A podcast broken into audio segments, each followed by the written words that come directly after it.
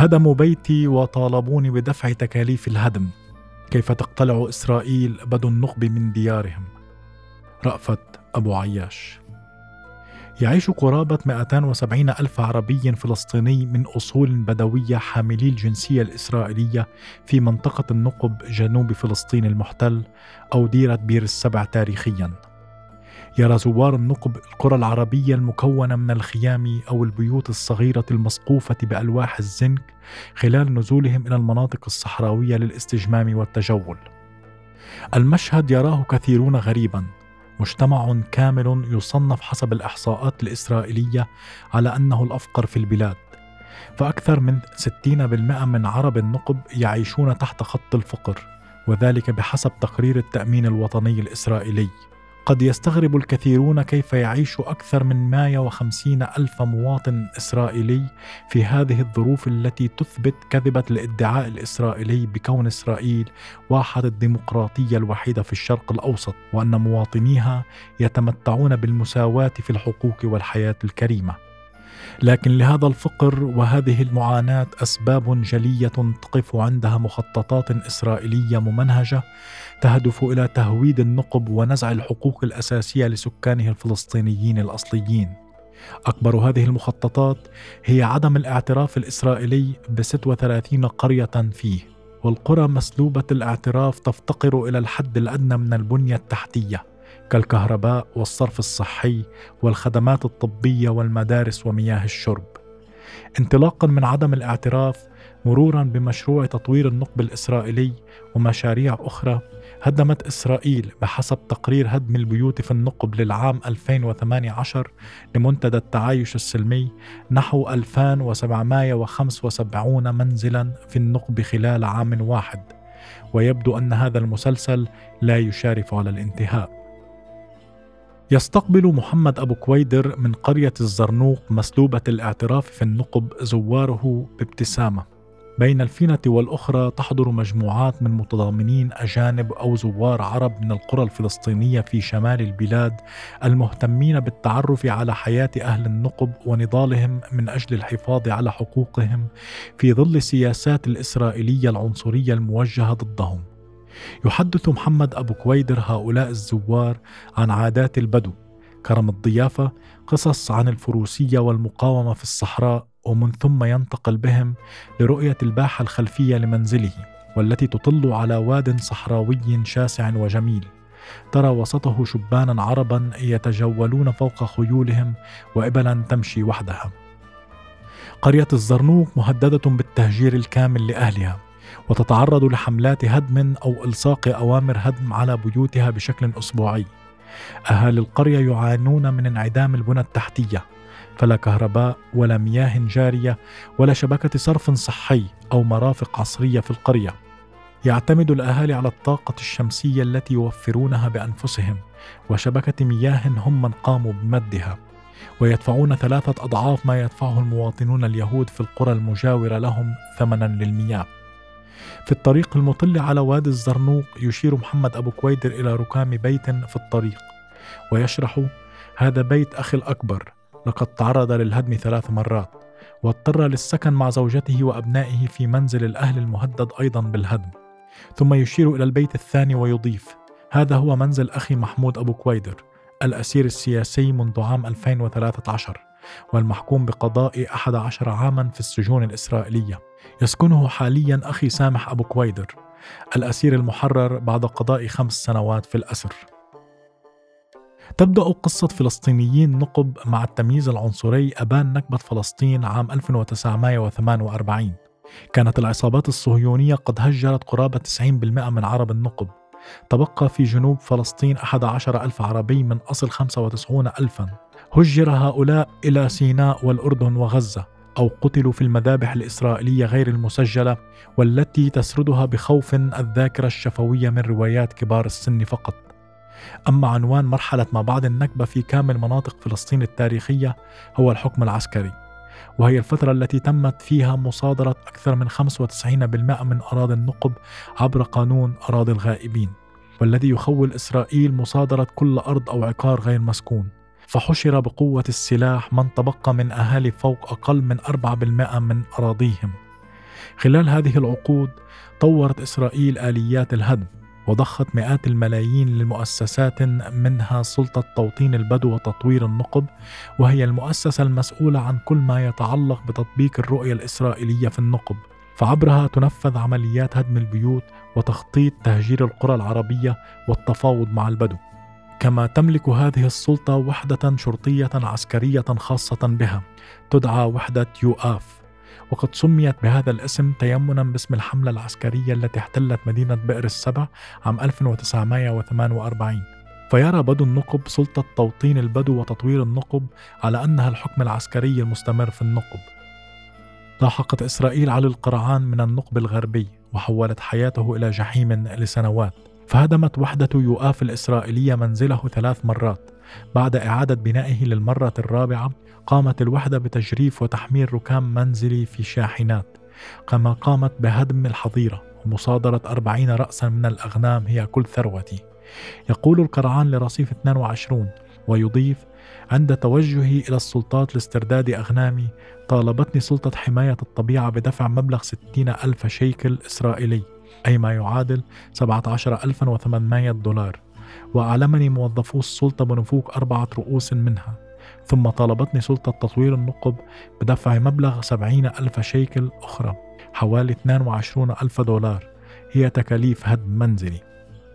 وإذا لم يدفع القرعان المبلغ الأول فسيتم بيع أغنامه في مزاد علني. أما إذا لم يوفر المبلغ الثاني خلال أسبوعين فسيسجن. يختم حديثه. الظالمون لم يتركوا لي عيشا هنا. كل مكان في الدنيا فيه إنسانية إلا عند الإسرائيليين. أريد أن آخذ أطفالي وزوجتي وأضع خيمة عند جسر الملك حسين وأطلب اللجوء. تتحكم سلطة توطين البدو وتطوير النقب بميزانيات ضخمة معدة لتمويل تطوير القرى العربية وتخطيط شكل التجمعات المعترف بها منذ عام 2000 بالإضافة إلى تخطيط القرى مسلوبة الاعتراف. تقدر الميزانيات بمئات ملايين الشواكل لكن يصرف أكثر من 60% منها في تطوير آليات هدم البيوت حسب تقرير مراقب دولة إسرائيل. تهدف إسرائيل عبر ممارسات الهدم هذه إلى تدمير المحاصيل الزراعية ومصادرة المواشي والملاحقة الجنائية وتغريم أصحاب البيوت المهدومة بتكاليف هدم بيوتهم. وقد تصل هذه التكاليف إلى خمسين ألف دولار. فيغادر البدو أراضيهم ويتنازلون عنها في المحاكم الإسرائيلية حيث أن الحالة الوحيدة التي نعترف فيها دائرة أراضي إسرائيل بملكية بدو النقب على أرضهم هي عند تنازلهم عنها. من جهة أخرى لا تعطي إسرائيل بدائل للأهالي عند هدم بيوتهم ولكن قد توفر دون أرض في القرى المخططة والمكتظة التي يعتبرها الأهالي اليوم مخيمات فقر. كبديل عن كل مائة دنم يتنازل عنها صاحبها. تنفذ إسرائيل في النقب اليوم خطط التهجير تحت غطاء التطوير والتنظيم. فقد تم الكشف مطلع عام 2019 عن 11 مخططا جديدا يهدف في المحصلة إلى تهجير أكثر من 40 ألف عربي ومصادرة أكثر من 400 ألف دنم من الأراضي. أما عام 2018 وحده فتم هدم 2775 منزلا تفاخر به وزير الزراعة الإسرائيلي أوري أريائيل كعدد قياسي أكبر من عدد البيوت التي هدمها الاحتلال في نفس العام في كافة مناطق فلسطين التاريخية مجتمعة. ومنذ العام 2013 هدم في النقب قرابة 11 ألف منزل يسكنه فلسطينيون في الجنوب. ومن بين هذه المخططات التي تعنون بعناوين براقة كالتطوير والتخطيط مخطط شارع ستة أو مخطط استكمال شارع عابر إسرائيل يصادر على المدى البعيد نحو 33 ألف دون.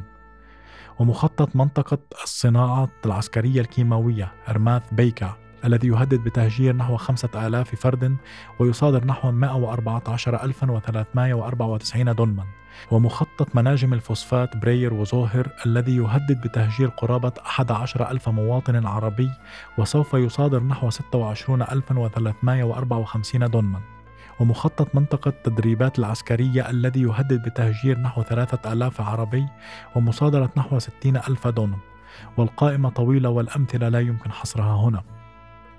وفي سابقة تاريخية كان الغضب الشعبي في فلسطين أسقط إحدى هذه المخططات عرف بمخطط برافر. ففي نهاية العام 2012 حاولت إسرائيل سن قانون برافر الاقتلاعي والذي هدد قرابة 40 قرية بالتهجير الكامل ودفع أكثر من 130 ألف عربي إلى التهجير القسري. لكن قاد شباب النقب وناشطون من كامل مناطق فلسطين والشتات حملة واسعة لإسقاط المخطط. يقول الباحث في الجغرافيا السياسية والحقوقي مروان أبو فريح وهو عضو في الفريق الذي كشف مخططات التهجير العام الماضي لرصيف 22 تطور إسرائيل منهجيتها في النقب بشكل مستمر. فبعد إسقاط مخطط برافر الاقتلاعي اعتمدت سياسة التفريق وفرض الأمر الواقع. تدخل آليات الهدم والدوريات الخضراء القرى بين ليلة وضحاها وتبدأ بالعمل. تزرع الأشجار أو تهدم المنازل وتدفع إلى التوجه للمحاكم. إذا لم يعجب الأمر أصحاب الشأن. وعند التوجه للمحاكم يكون الأهالي قد قبلوا ضمنيا نتيجة توجههم. وفي حال قبلت المحكمة ادعاء الدولة يتمتع سلب الأرض بغطاء قانوني. وقد حصل كثيرا أن توجهت عائلات من النقب لتحصيل أمر قضائي لمنع العمل في أرضهم. ترفض المحكمة طلب الأهالي ويصبح التشجير أو الهدم شرعيا بغطاء قانوني. يقاوم فلسطينيون نقب ممارسات سلطات الهدم بالاحتجاج والصمود الفطري في أرضهم. ومن القصص ما أصبح تتمتع بمستوى رمزي كقرية العراقيب مسلوبة الاعتراف والتي هدمت في الأسبوع الأخير للمرة الماية والثمانين بهدف تهجير أهلها وزراعة غابة فوق أرضهم. لكن الأهالي قاموا بإعادة بناء منازلهم بعد كل عملية هدم. وهناك أيضا قرية بير هداج في النقب الجنوبي وهي القرية الوحيدة في الداخل الفلسطيني التي حقق أهلها عودة كاملة إلى قريتهم. فبعد طردهم عام 1947 عادوا إلى أرضهم عام 1952 ثم طردوا بشاحنات الجيش الإسرائيلي عام 1956 ليعودوا بعدها بأعوام ويجبروا السلطات الإسرائيلية على الاعتراف بهم. ومن بين قصص الأفراد الرمزية في النقب هي قصة الحاجة المتوفاة فضية أبو قردود. امرأة ستينية هدمت إسرائيل منزلها فنصبت خيمة أمام مبنى الكنيسة الإسرائيلي وقضت فيها قرابة ستة أشهر حتى اعترفت إسرائيل بمنزلها مرغمة. يختلف موقف الفلسطينيون في النقب على موقف القيادة السياسية وأدائها. ويشعر كثيرون أن النقب يترك وحده في مواجهة التهجير. لكن يجمع أهالي النقب على أن صمودهم في أرضهم حتى وإن هدمت بيوتهم أو ضاق عيشهم هو خطهم الأول للدفاع عن وجودهم في النقب. ولعل هذا الدفاع يجد دوما طرقا للتعبير. ففي مضافة محمد أبو كويدر في قرية الزرنوق يخرج بيت شعر بدوي من فم شيخ ثمانيني. الحر دوما تلقاه ناصب في أرض جده وأبوه عزه ولو يميل الزمن وتميل المراجل ما يميل من الرجل الحر إلا عقاله.